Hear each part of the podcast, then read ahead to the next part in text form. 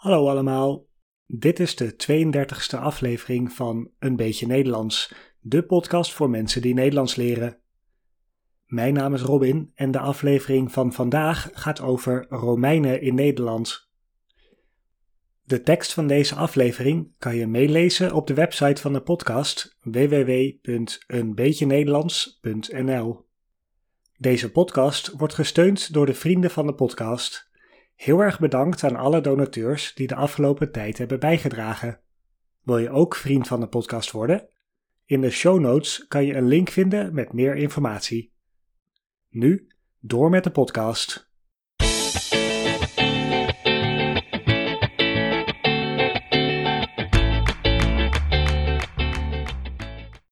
Ongeveer 2000 jaar geleden reed een van de beroemdste mensen in de wereldgeschiedenis Nederland binnen, Julius Caesar. Rond het jaar 50 voor Christus zou het gebied waar nu Nederland en België liggen veroverd worden door de man die een paar jaar later dictator van het Romeinse Rijk werd.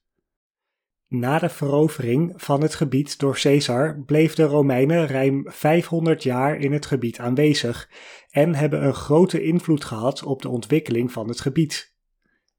Het verhaal van de Romeinen in Nederland draait om de rivier de Rijn.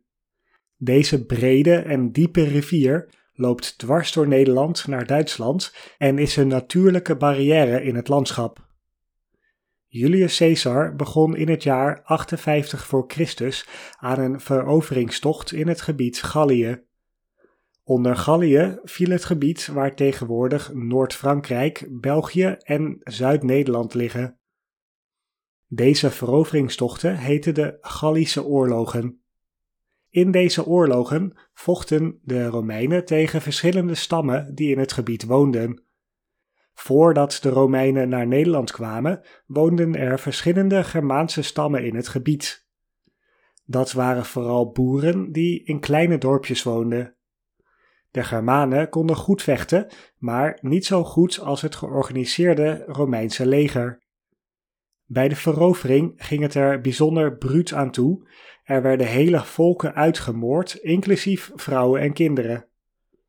We weten dit omdat Julius Caesar zelf een boek heeft geschreven over de Gallische oorlogen die hij aangevoerd heeft, de Commentari de Bello Gallico.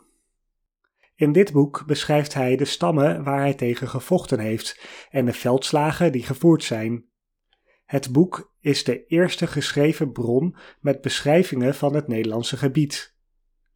Maar het is nu eerst tijd voor de uitdrukking van de. Uitdrukking van de week.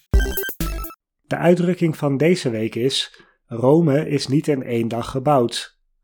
Deze uitdrukking betekent dat sommige dingen meer tijd nodig hebben dan andere. Deze uitdrukking zou je bijvoorbeeld kunnen gebruiken als iemand aan je vraagt waarom je nog geen vloeiend Nederlands spreekt. Je kan dan antwoorden: Rome is ook niet in één dag gebouwd. Sommige dingen hebben meer tijd nodig. Terug naar de Romeinen. Een paar jaar geleden zijn er vlakbij een kleine plaats in Noord-Brabant resten gevonden van een veldslag, onder andere botresten, zwaarden en een helm. In totaal werden de resten van ongeveer 100 personen gevonden die uit de tijd stammen van de veldslagen van Caesar in Nederland. De onderzoekers denken door de gevonden resten bewezen te hebben dat Caesar zelf in Nederland is geweest. De resten van de veldslag die gevonden zijn, komen overeen met een veldslag die Caesar in zijn eigen boek beschreven heeft. Caesar beschrijft conflicten met verschillende stammen die in het gebied van België en Nederland woonden, waaronder de Eburonen. De Eburonen woonden tussen de Rijn en de Maas en hun koning heette Ambriorix. Ze mochten in hun gebied blijven wonen, maar ze moesten wel belasting betalen door een gedeelte van hun voedsel aan de Romeinen te geven. Maar in het jaar 54 voor Christus was de oogst slecht en de Eburonen weigerden hun graan af te staan. Ze besluiten in opstand te komen tegen de Romeinen. Een leger van de Eburonen lokte een Romeins legioen in een hinderlaag en vermoordde de Romeinse legereenheid volledig. Dit was een zware klap voor de Romeinen en Caesar zelf, vooral voor zijn eer. Bovendien zouden andere Germaanse stammen door de nederlaag kunnen gaan denken dat het Romeinse leger zwak was. Caesar slaat keihard terug. Hij krijgt tien legioenen uit Rome, ongeveer 50.000 soldaten, om de opstand neer te slaan. Hier is het leger van Ambriorix niet tegen opgewassen. Dorpen, steden en akkers van de Eburonen werden geplunderd en verbrand, het vee geroofd en de bevolking vermoord of als slaaf verkocht. Het gehele volk van de Eburonen werd uitgeroeid door Caesars leger en daarmee had Caesar zijn wraak. Ambriorix wordt in België gezien als een volksheld door zijn opstand tegen de Romeinen. Hij werd een nationaal symbool na de onafhankelijkheid van België in 1830. Hij wordt gezien als een rebelse leider en voorvechter van rechtvaardigheid. Nadat Caesar in het jaar 44 voor Christus vermoord werd in Rome, brak er een burgeroorlog uit in het Romeinse Rijk.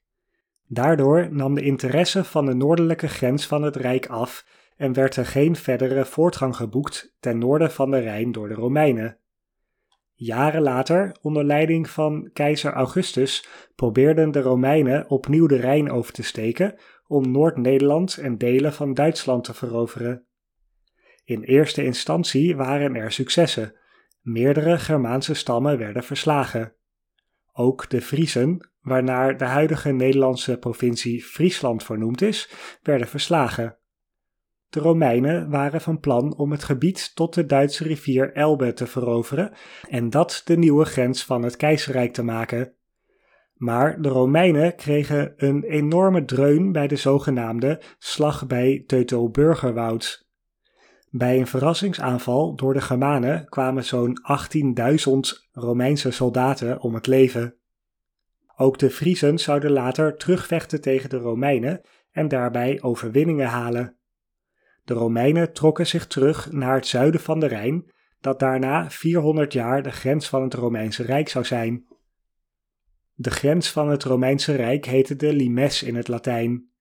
Op verschillende plekken langs de Rijn zijn verdedigingswerken gebouwd door de Romeinen. Er zijn resten gevonden van wachttorens, forten en legerplaatsen in Nederland.